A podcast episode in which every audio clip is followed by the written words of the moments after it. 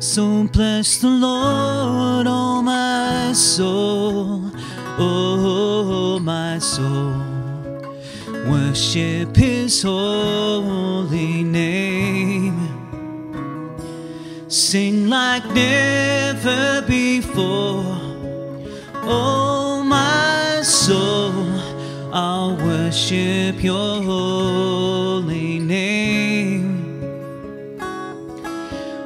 worship your holy name. I'll worship your holy name.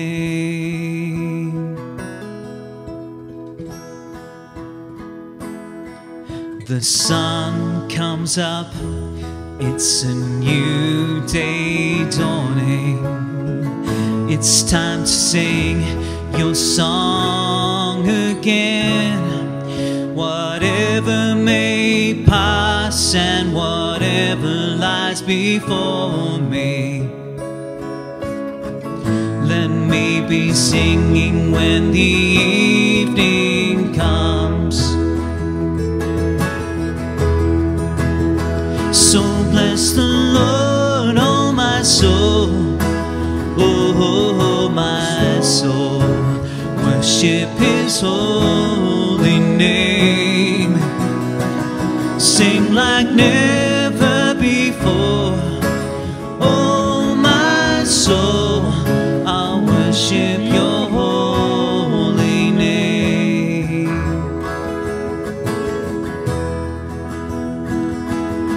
You're rich in love and you're slow to anger. Your name is great and your heart is kind.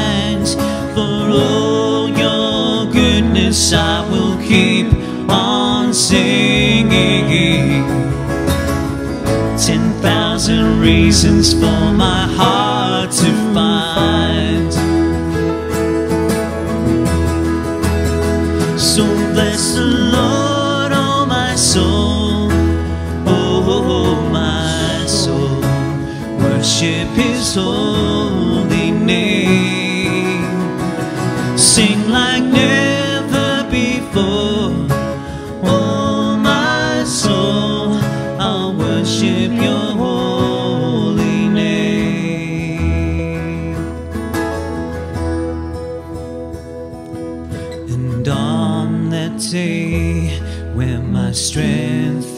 is failing, the end draws near and my time has come. Still, my soul will sing your praise unending. Ten thousand years and then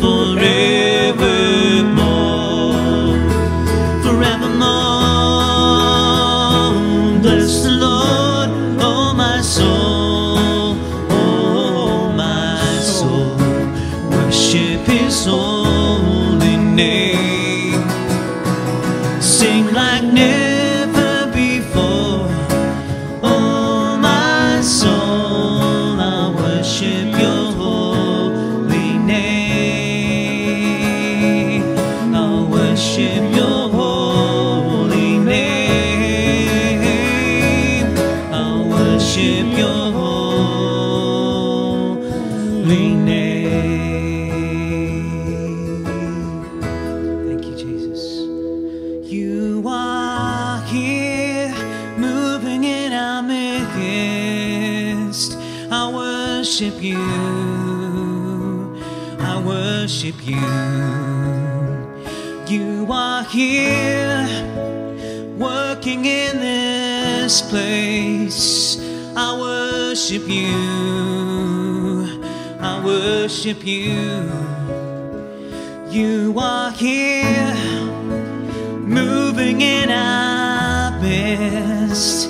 We worship you, we worship you. You are here, working in this place. We worship you, we worship you. You are promise keeper, light in the darkness. That is who you are.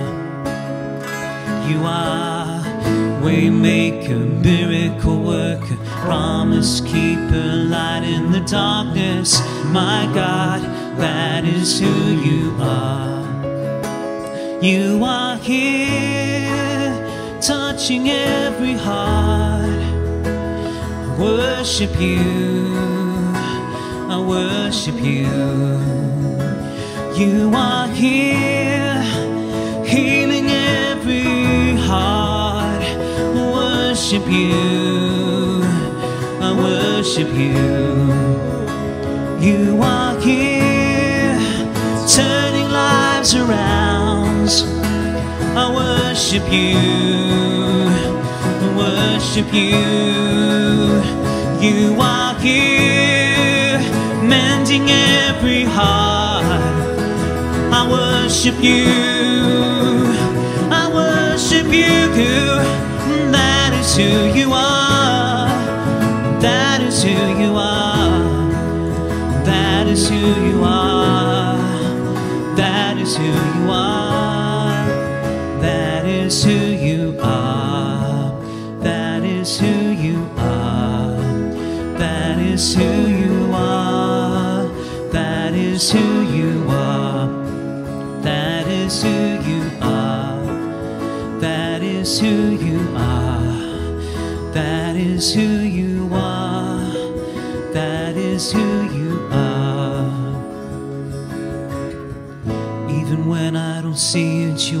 working. Even when I don't feel it, you're working. You never stop, you never stop working. You never stop, you never stop working. Even when I don't see it, you're working. Even when I don't feel it, you're working. You never stop, you never stop working. You never stop, you never stop working. Even when I don't see it, you're working. Stop, you never stop working. That is who you are. That is who you are. That is who you are. That is who you are. That is who you are. That is who you are. That is who you are. That is who You, Jesus, Lord, that through it all you remain. The one true foundation, the King of our hearts, Lord Jesus, the one that just goes on and on and on, Lord Jesus. We thank you, Father. We worship you, Lord Jesus. Praise you, Father. Let the King of my heart be the mountain where I run, the fountain I drink from. Oh, he is my song. Let the King of my heart be the shadow where I hide, the ransom for my life. Oh, he is my song. You are good, good. Oh, you are good, you're good. Oh, you are good, you're good. Oh, you are good, you're good. Oh, let the King of sails, the anchor of my waves. Oh, he is my song. Let the King of my heart be the fire inside my veins, the echo of my days. Oh, he is my song. You are good, you're good. Oh, you are good, you're good.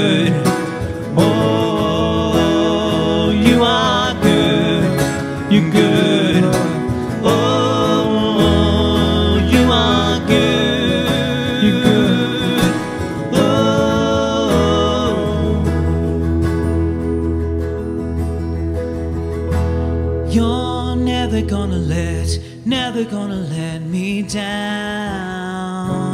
You're never gonna let, never gonna let me down. You're never gonna let, never gonna let me down. You're never gonna let, never gonna let me down. You're never gonna let, never gonna let me down. gonna let me down. You're never gonna let, never gonna let me down.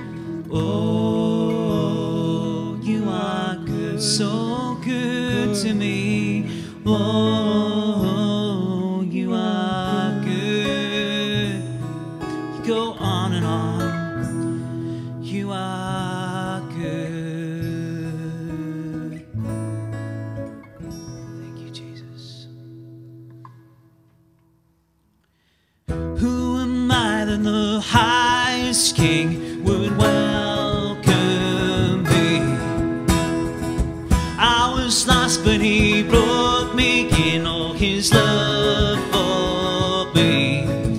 Yes, his love.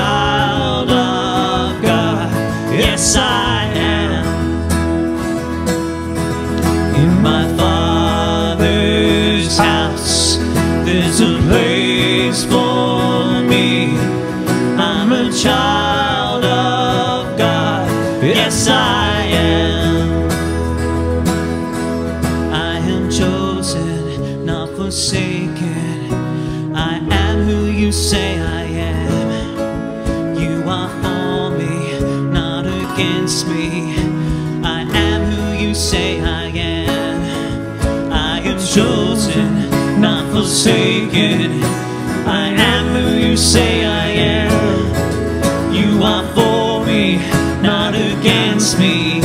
I am who you say I am. Yes, I am who you say I am. The Son sets free, always free indeed. I'm a child of Yes, I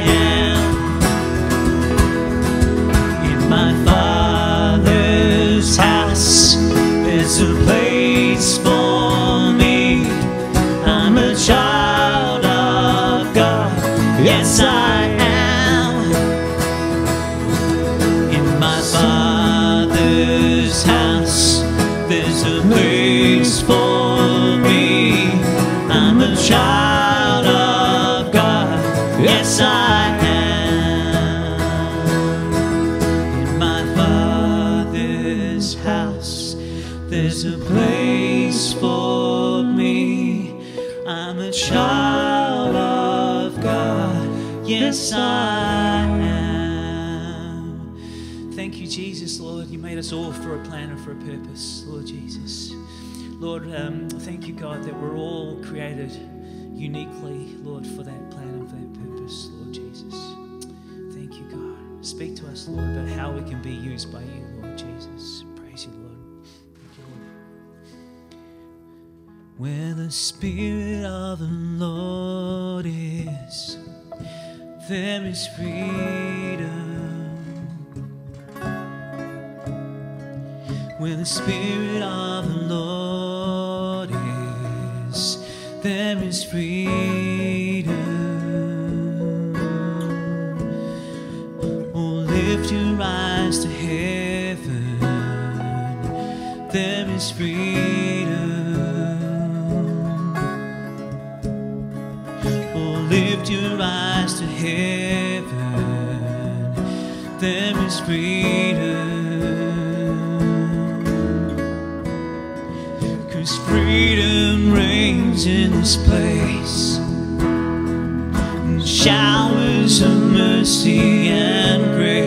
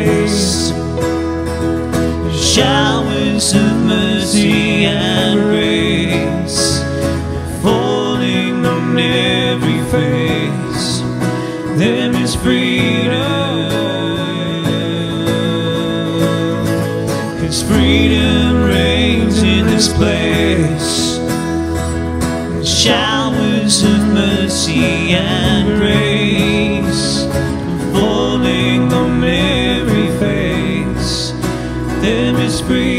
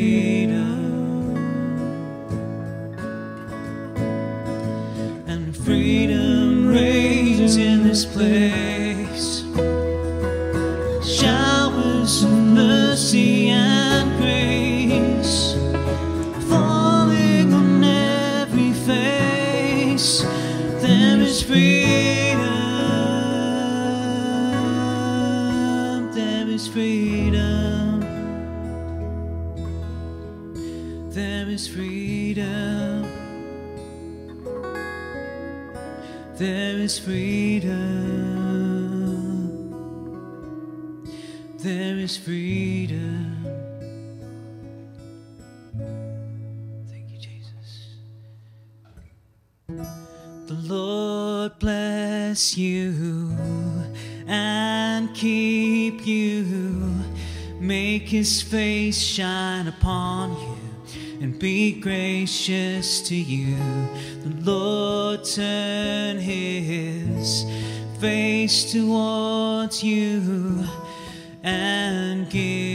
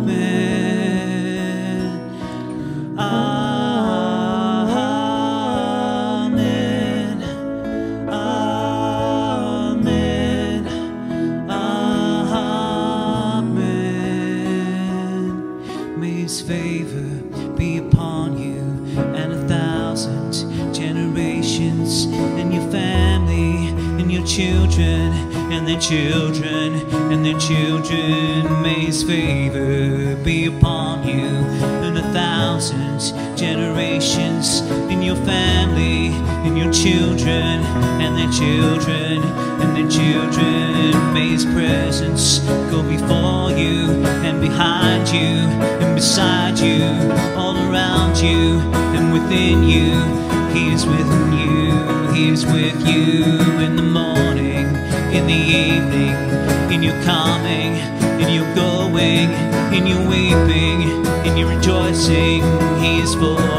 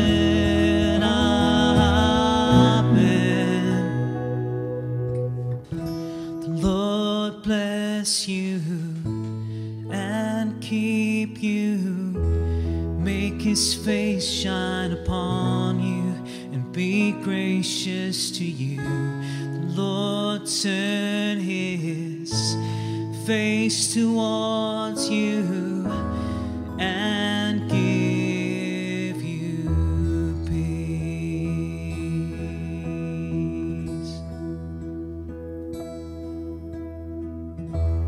Thank you, Jesus. And that's our prayer for you guys that the Lord would give you peace in this season. And um, Lord Jesus, thank you, God, that we can meet together um, and worship you. Yeah. Uh, Lord, it was time, Lord Jesus. Thank you, Father. Thank you. We worship you, Lord God. Thank you, Jesus. Jesus. Thank you, Lord Jesus. Praise you, Lord. Amen. Thanks, guys, for joining us in worship. It was uh, awesome to be all together. Awesome to have Di here as well. Um, good job, Simon and Lena. That was really great. Um, uh, we're going to take a quick break. Uh, we're going to take an intermission like we did last week. Grab a cup of coffee or a piece of food uh, and meet back here in about five minutes. And we're just going to do a setup for Di's Preach. Okay? So see you back here in five. Thanks, guys. Well, good morning, everyone. I hope you've had a great time worshipping. There's a lot of energy in the room here, and I hope there's a lot of energy where you're sitting right now. And I hope you're in a comfy chair as well with a nice hot cuppa of something. And we just look forward to spending this next little time looking at something that I think is going to really help us as we move into another week of lockdown. We are getting a lot of interaction on the comments today. Thank you so much. I look forward to seeing all the encouragement that you're bringing there and some pictures I hear are going up as well. So thank you. And again, as you're sitting there with your Bibles open, if there's stuff that you would like to include on comments, please do that, and we'll, I'll definitely read it later. And there's people here now that are also engaging with the comments. So welcome. So I don't know whether many of you are aware that in 2017 and 2018, I worked as an English teacher speaking to and teaching refugees. And interestingly enough, in Dandenong, where I was working, most of them were Afghan ladies with their children. So you can imagine this week's been quite a big week as we've been seeing the rollout of the news of what's happening in uh, Afghanistan at the moment. And for me, it's just been a personal journey of recognizing that during those two years, I was really aware of the culture that they were bringing from Afghanistan, but also the, the clash of culture that was happening with these new arrivals and these ladies. So I'm imagining you've all got your own personal stories about seeing the news of what's happening with um, Afghanistan at the moment. But today it kind of frames where I'm at and how the week's been for me as we look at the word as we're going to turn to Luke 11. Because in that time of teaching those ladies, there was one moment in 2018 where I arrived to class and everything in the room was really somber and sad. There was just tangible grief. No one was talking, there was no eye contact. And I was certainly wondering how on earth is this going to work for a class? So, what we did was we turned that day into just chatting one on one with each of these ladies. And what had happened is that they'd had news from Afghanistan that there was some trauma going on and there were attacks going on, and their families at home were being impacted. And so you can imagine this week, I'm going back to that, that week in 2018 where I was sitting hearing the stories of people that did not know what was happening to their families at home. And so as we look at, um, at Jesus' words today in Luke 11, I hope that you can see for me, it's framing a way that we can be praying for all the things that are happening in our world right now. That there are people right next door to us, and there are people around the globe that are actually needing our prayers that nation, Afghanistan, is actually, according to Operation World, a Christian organization that, that measures the growth of Christianity in different countries. Operation World says that Afghanistan is the second second most growth in churches and in Christianity.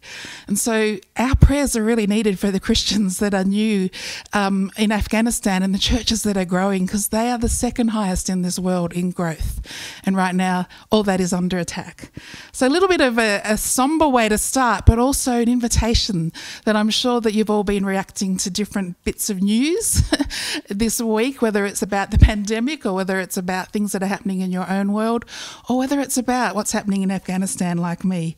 So today we're going to look at a parable that Jesus taught his disciples to pray. If we want to turn to Luke 11, and if you are sitting in your comfy chair and you have a study Bible, grab that as well because there's a couple of times that we're going to refer to that as well. If you're online, you can actually do that with your phones as well and check out the study Bibles. So, Luke 11. One other thing, just before we get into this, that's framed some of the ways that I view this parable is I don't know if you're aware, but I actually lived in the Philippines for a few months. So, for six months um, in 1994, I lived in the Philippines and got to live in some rural farming areas, in the city in Manila, in some of the south um, where there's fishing villages.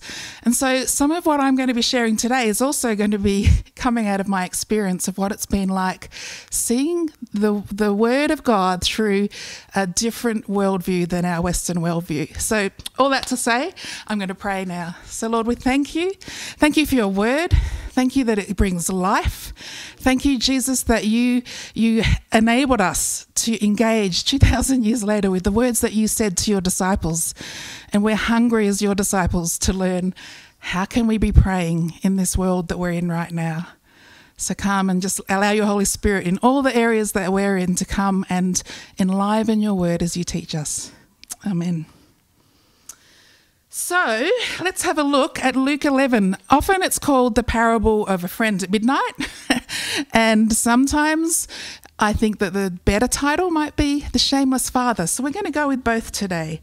And we're looking at Luke 11, and obviously, we're learning as a church that we want to look at the original context. We want to look at the context of how the believers were receiving it, the disciples were receiving it when Jesus gave it. And we also want to look at the literary context. And so, we're going to do some of that today as well. And we're going to do that after we've read it. Okay, so do you remember a few weeks ago I had Tom McCrimmon reading, and it was just so beautiful? I wish Tom was here right now. but because we can only have five people in the room, the others are all having a bit of a break, and so I'm not going to invite them to the microphone to read. I'm going to read it with you. So, Luke 11, and we're going to read the little bit of the parable before and the bit of the parable, uh, the text that comes after the parable. So, here Jesus is teaching on prayer in Luke 11. One day, Jesus was praying in a certain place. Where do we find him? Praying.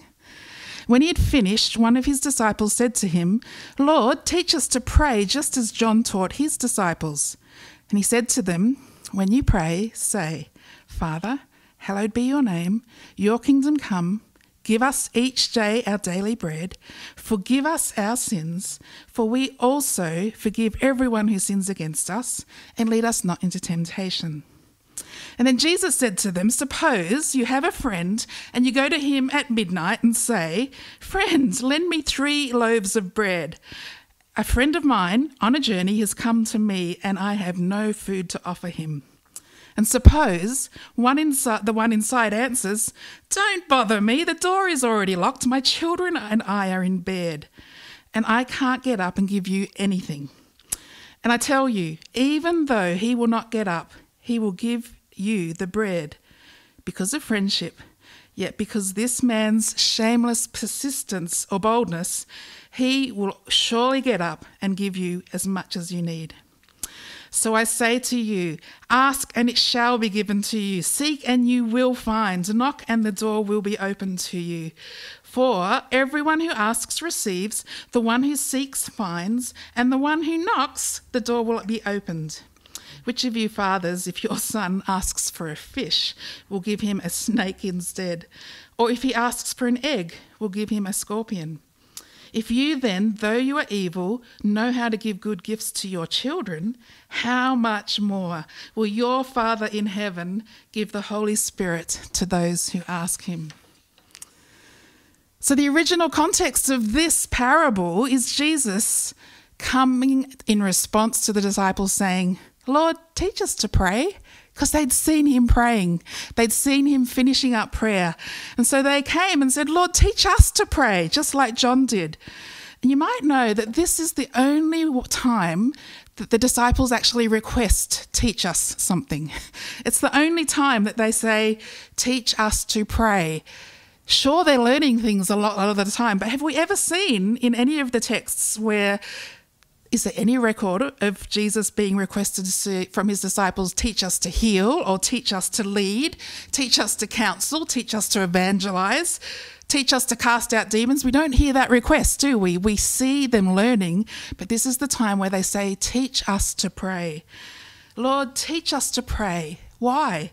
Because these first disciples, even though they're seeing all the ministry of Jesus through healing, leading, counseling, setting people free, free, evangelizing, preaching, we're seeing that out of that, it all emerges from his relationship with his Father.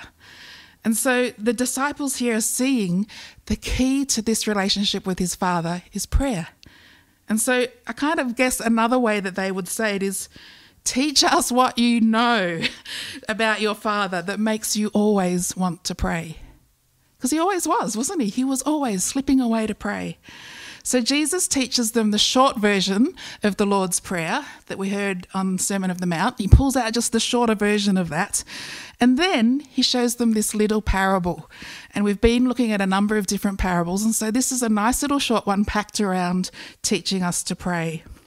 And this parable was to encourage the first disciples, but also to encourage us. Does it make you want to pray when you read, read this parable? Does it make you want to pray more?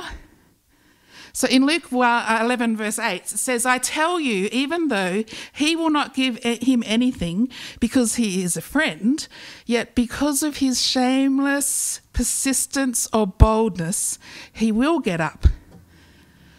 This guy, he did respond. Does that inspire you to pray more? So, traditionally, and this is where it gets fun, traditionally, the Western interpretation of this passage and that verse there is it's all about the one asking Jesus for, for uh, asking for bread, not asking Jesus. Jesus is telling the story. It's all about asking for bread. And it's also about being persistent in prayer. That's the Western view of this parable. But having lived in the Philippines and having experienced uh, different cultures, like in India and Thailand and different places that I've also been living, I realised that this is actually a little bit off the mark in terms of how it was meant to be read. The Western tra- traditional version of this is about persistence, but this parable is not about the one who is asking for bread. This parable is not calling us to persistence, even though there is a parable a bit later in Luke 18 where we're learning about persistence in that parable. This is not that parable. Here, we're learning that the right word that is translating the word persistence is going to be different than we as Westerners saw it translated. So we also know that when we're reading a text, we are either inside the scene and we're looking in it through the eyes of the disciples, or we're outside and we're not participating, but we're observing. So that's what we're going to do today. We're going to just make some observations that hopefully will unpack some things about this text. So if you're looking at verses 5 to 7, the different versions from Western translations say, Suppose one of you has a friend in verses 5 to 7. And if you've got your study Bibles and if you see a little letter next to that word suppose, if you go and follow that link to the margins of your Bible, you'll see it says, Which one of you? So verses 5 to 7 is actually a very, very long question. And it, it's actually starting with which one of you? So Jesus is saying, which one of you? He's bringing that question. And that question is really long, so I've got to take a deep breath. Here we go. it says, which one of you has a friend and shall go to him at midnight and say, Friend, lend me three loaves of bread for a friend of mine who has come on a journey, and I have nothing left to set before him? And so inside he answers and he says, Don't bother me. The door has already been shut, and my children are in bed, and I cannot get up and give you anything. Which one of you? What a long question. I don't know. Some of these singers here probably got better lungs than me and could have said that in one breath. it's a long question. Which one of you? And it's as if Jesus is saying, Can you imagine which one of you can imagine if there are two men in this parable? Let's call one of them, let's give them names Mr. Inside and Mr. Outside. Really easy. So, which one of you can imagine Mr. Outside receiving this guest who was traveling at midnight, needing to put some food on his table? And so, which one of you can imagine Mr. Outside going to Mr. Inside and saying, Can you give me three loaves of bread so I can feed my guest? Which one of you can imagine Mr. Inside saying from the inside, Go away? The children and I are already in bed, and I will not get up and give you anything. Can you imagine that? Which one of you can imagine? So, the first observation that we're making about this parable is which one of you is the first question Jesus is posing? Now, the answer for those that are listening in first century is none of us can imagine that. No, that's not going to happen because there is a second observation that this culturally expected answer is no. The culturally expected answer is none of us can imagine that. That's just crazy. It's impossible. The Middle Eastern view of this parable says none of us could imagine that ever happening. In the West, especially under curfew, if you had someone rocking up at midnight who was knocking on your door and Mr. Inside was inside, hearing someone at the door, you would imagine they'd call the police, right? In the West, we'd say, ah, there's someone annoying me at midnight. My kids are all asleep. It's really different in the, in the Middle East. Have you ever seen in India or Thailand or perhaps in the, in the Philippines, other places that you've been, where you've seen that this actually is a culturally impossible scenario? They are a different view and worldview than we are. I wonder if anyone else has seen that happen in a Middle Eastern culture. So, why is it impossible? The third observation we're going to look at with this parable is that there are essential cultural values that are happening within this parable. They're at work in this parable. And this is where it gets fun because those cultural values in the Middle East, the first one is hospitality, and the second one is avoidance of shame. Now, hospitality and the avoidance of shame. Can you relate to that in our culture? See, these values, hospitality and the avoidance of shame, are at work in this parable because Mr. Outside needed to put more food on the table for his guest. And this guest needed to have more food than he could possibly eat because that's the Middle Eastern way. That's the Asian way. That's if you go to other countries, that's what happens. This is how they show hospitality more food than you can possibly eat. And Mr. Inside needed to respond to that. Mr. Outside wanted to ask for three loaves of bread because over there in other cultures, there's no utensils. The bread's actually the utensils, and you dip it in and you eat the whole bread. And so he needed actually utensils as well as food. It was a big common meal that they would share, and bread was very important. And the third thing is a part of these values is that Mr. Outside recognized that that guest was a guest of the whole village, not just of Mr. just of his own household. So Mr. Outside is seeking the village's help because it's going to affect the whole village whether this travelling guest gets fed or not.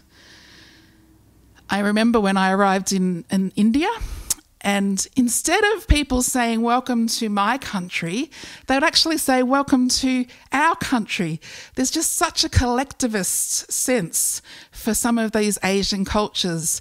And so we're looking through these eyes where you get the welcome, and it's not just welcome to my country, it's welcome to our country. And it's beautiful because they're welcoming you on behalf of the whole country. And so here we've got a village that's welcoming a guest on behalf of the whole village. And hospitality is really different, and it demanded that you fed that visitor and that guest with lots of food. And it also demanded that the whole village was responsible for that.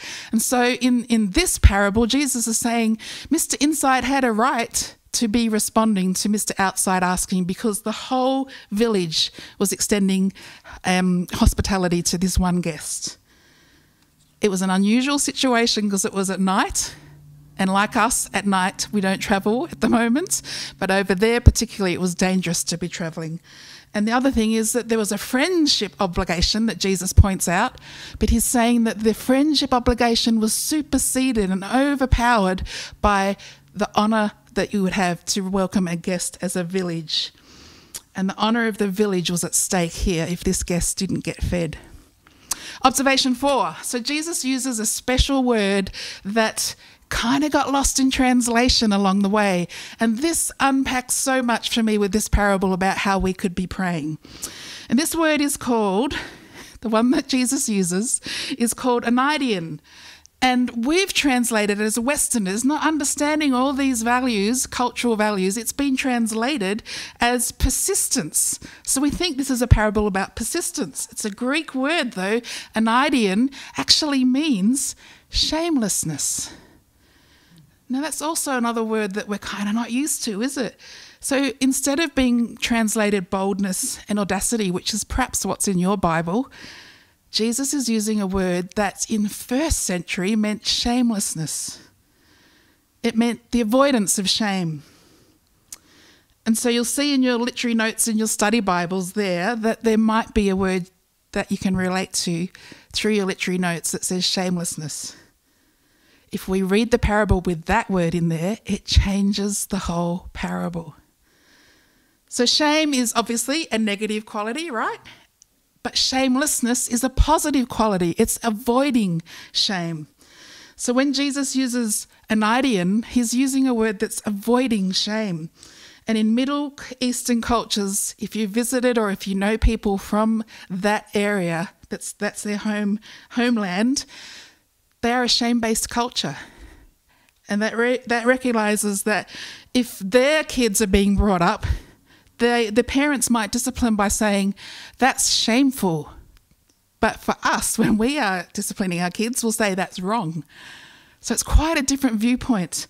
And it's really helped me to understand what Jesus is saying here that this central cultural value is more like I will do everything possible to avoid bringing shame on myself, on my name, on my family, or on my city. This is what's happening here behind the scenes. Now, I remember when I was in the Philippines that it was so different. Often, uh, if I was to go and sit outside and do my devotions, they thought I was sick because the, the, the culture was so different. And so they'd come out and say, Are you okay? And I was just an individual wanting to have some time with the Lord. But for them, it's all together, right? And so for a birthday party, for example, when we're in the Philippines, it was really important that if you got a gift, you did not open it in front of the giver. Because if you opened it and your face showed that you did not like it, you'd brought shame to the giver. and so we learned really quickly in the giving of gifts that we would take it home and we would look at it at home. And if we didn't like it, we'd get our face on and we know that we were then to say thank you without shaming them because they've chosen a gift that was not going to be to my liking. But it was such a different experience than us that we, we will open things and we'll regift it. But for them, you would actually shame the person and the giver if you did that and they saw it on your face. And that's where we're talking about everybody saves face, right? That's about shamelessness and that's about shame, avoiding bringing shame. So, if we're saving face and we have different ways of looking at this, as Westerners, we've got things to learn here that avoidance of shame at all costs is what was happening here. That aneidion means avoiding shame at all costs. And it's true that in avo- avoiding that, then Western um, Bibles have kind of translated that word and missed the mark. And our minds can't get around it unless we've experienced hospitality and the avoidance of shame. So let's have a look now. Observation five. Get ready. This is where it gets fun too, because observation five shows that aneidion applies not to Mr. Outside, but to Mr. Inside. So in the Western persistence we're thinking that persistence is what's happening outside. And in the Middle Eastern view of this parable, it's Mr. Inside that's actually the one that Jesus is saying, this applies to Mr. Inside. It does not apply to the one asking for the bread. This Aneidian word, shamelessness, applies to the person who asked for the bread and had to respond, who was being asked and had to res- respond. Sorry, I'll say that again. So, mis- this Aneidian word applies to the person who is being asked of, for the bread and he's Mr. Inside. And if we look at the verse 8, it totally changes how we read verse 8. And this is where we learn how to pray because we see in the six clauses in verse 8 We've got that, Joe. Yeah, yeah. Thank you. She's doing great. if we look at verse, the first part of verse eight, it says, "Even though he will not get up, who are we talking about? Mr. Inside. If we look at he will give him anything to eat, who are we talking about again? It's Mr. Inside, because he is his friend Again, this verse is talking about Mr. Inside. So we can assume that all those six clauses there are talking about Mr. Inside, the guy inside wanting to respond. And then it's also reasonable that aneidion applies to Mr. Inside. And that's our fifth observation. That the quality of this shamelessness, this aneidion, uh, it applies to the guy inside who's being asked for bread. So, Mr. Inside is the one that's asking, Am I going to have shamelessness if I don't respond to this request? And he's the one that's going to get up, and he's the one that's going to reach for needs of Mr. Outside. So Jesus is revealing that. He's revealing that Miss, the guy on the inside is responding to the guy on the outside, and he's getting up because he did not want to have an, another day where he woke up and all around the village is this rumor saying, Do you realize Mr. Inside didn't respond to that, that guest? Do you realize he wasn't hospit- hospitable to that guest that arrived at midnight? And so he wants to avoid shame and he will respond. So, can you see how that's going beyond friendship? This is actually going to the nature of honour of the whole village. I'm not going to lose face, says Mr. Inside. I'm not going to hear that the villagers in Lilydale say the next morning that you failed to help us. You failed to help and you shamed us. You brought shame on us. Shameful for you and shameful for us because hospitality was not something that happened. So, as we go to the next part of this text today, where we're seeing that the parable is about not the asker, the one inside, the parable is actually about the Father to whom we pray. So, when the disciples say, Lord, teach us to pray, Jesus teaches the Lord, Lord's Prayer in a short, shorter version, and then teaches this stunning parable. The parable that's not about the one who's asking, the parable is actually about the one who is being asked, about the Father to whom we pray. So, when we see at the start of this chapter, Lord, hallowed be your name, honour is a big part of this parable. Not only honouring Jesus, Jesus is saying, Our Father who art in heaven, hallowed be your name. This is about the avoidance of shame, it's about the honour of God's name. So, if we quickly look at his name, Yahweh, I am who I am, this is the name above every name. This is the name also that says, I am with you and I am for you. This is the name that Moses discovered that when there were afflictions on the people of Israel, that that this was the Moses Moses saw this was the name that came that Jesus sorry, that Moses saw, too much, that Moses saw that God was saying, I am Yahweh, I am with you, I hear your cry, I hear the suffering of your people, and I'm going to respond. And when he says, What's your name? He says, I am who I am. I am. I am with you. I am there for you. And so Moses learns, and we can also learn that God is saying, My name is so important that when you pray to me, I will respond and I will be there for you and I will be your God. And even more than that, you will be my people under that name. So Yahweh is the covenant name. I will be your God. And so God is always there to honor that name. The Father will never act in a way that shames his name. And Jesus is telling that, telling us that, that as God's name has gone public, He's also gone public with His name in us and on us. So we saw that in Exodus 32, 11 to 14 with Moses, and we also see that in the Psalms where Psalm 25 says, For your name's sake, O Yahweh, pardon my sins or my iniquity, for it is great, great. Your name is great. And in 1 John 1, we see the faithfulness of God's name. If we confess our sins, he is faithful to forgive our sins. So, this parable is teaching the disciples how to pray, but also teaching the disciples about the Father. So, God always honours his name, and his commitment is always translated into a commitment to his people. Some of you might go, Oh, I don't know if I want to read this quote because John Piper's a little bit controversial for some people, but I'm going to read a quote, a quote that I just think really wraps up the honour of God's name. He says, It was God's good pleasure to join you to himself in such a way that his name is at stake in your destiny. So, another way of saying that is that God's good pleasure is to possess you and to choose you in such a way that whatever happens to you affects His name. And so, the Father's name here is I am there with you and I am there for you and I give myself to you. And this really helps us to understand Luke 11. That's the, out, the inside guy. That's who Jesus is pointing to to say, this next part of Luke 11 is going to make sense if you understand all this. So let's just have a look at that. Verse 9 says, We all know this, we've sung about it, we've learnt about it, and many of us have actually quoted it back to God.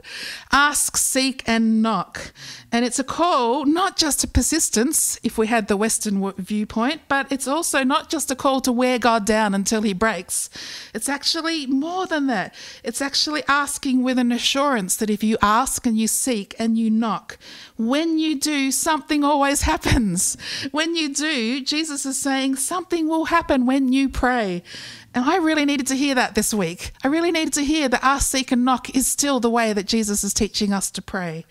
And so we can keep on asking, we can keep on seeking, and we can keep on knocking, knowing that He is going to respond for the honor of His name and for the destiny of who we are as His chosen. And so verse 10 then says, Receive, find, and the door will be open. And so we're looking here at verse 10 of saying, as you ask, seek, and knock, you also will receive, find, and doors will be open. There is a receiving that's going on in prayer. There is a finding that is going on in prayer. Excuse me. and so prayer is something that is, something will happen when you pray. And Jesus is saying here, the one who keeps on asking is receiving. The one who keeps on seeking is finding. Something always happens when you pray, YVV. Something always happens. Mother Teresa, she says it's best. She says that we are expanding our capacity to receive when we pray. Can you see why the disciples are saying, Jesus understands something we don't? He's always praying. What's going on there? He knows the Father, but he also knows how to receive as he prays. So God wants to give himself to us, and we see in verse 13 that it says, I will not the Father give you the Holy Spirit to those who are asking him? Will not the Father give the Holy Spirit to those who are asking? And so the Spirit is just a promise from the Father that the Father will never shame his name. He made a promise and he will keep his promise. It's just amazing. That's our Father all you fathers out there, that's what it's like, isn't it, when you want to give to your kids? But this is our Father that He is going to respond. so, can you imagine Mr. Outside is receiving a guest at midnight? Mr. Outside doesn't have any bread. Can you imagine that Mr. Outside is then going to Mr. Inside and he's asking, ask, seek, and knock. He's asking, Can you help me out? I need some bread to provide hospitality for my midnight guests. Can you imagine Mr. Inside sitting there and saying, No, no way, go away. It's inconvenient to me. And we know the response is, Can you imagine that? No, it's impossible for that to happen. Mr. Inside will always get up. Mr. Inside will always provide for Mr. Outside and give as much as he needs. Can you imagine me or you going to God the Father in the name of Jesus and asking the Father to give more of the Holy Spirit to you? Can you imagine the Father just sitting there and you being told to go away? No, it's impossible. This is what Jesus is saying. It is impossible. The Father will get up and He will give you all of His Spirit, all that you need all that you need to practice hospitality in this world we're living, the Father will get up and give you Himself and more and more. So, what do you need of God today? What of God do you need for yourself, for your family, for your village, for your ministry, for your work? What do you need that's going to bring hope and love and life to the world? This is the question I found myself asking as I was watching the impact of global events, the impact of things that are happening close to me. And today I ask you, what of God do you need today? In the asking, you're going to receive. Something always happens.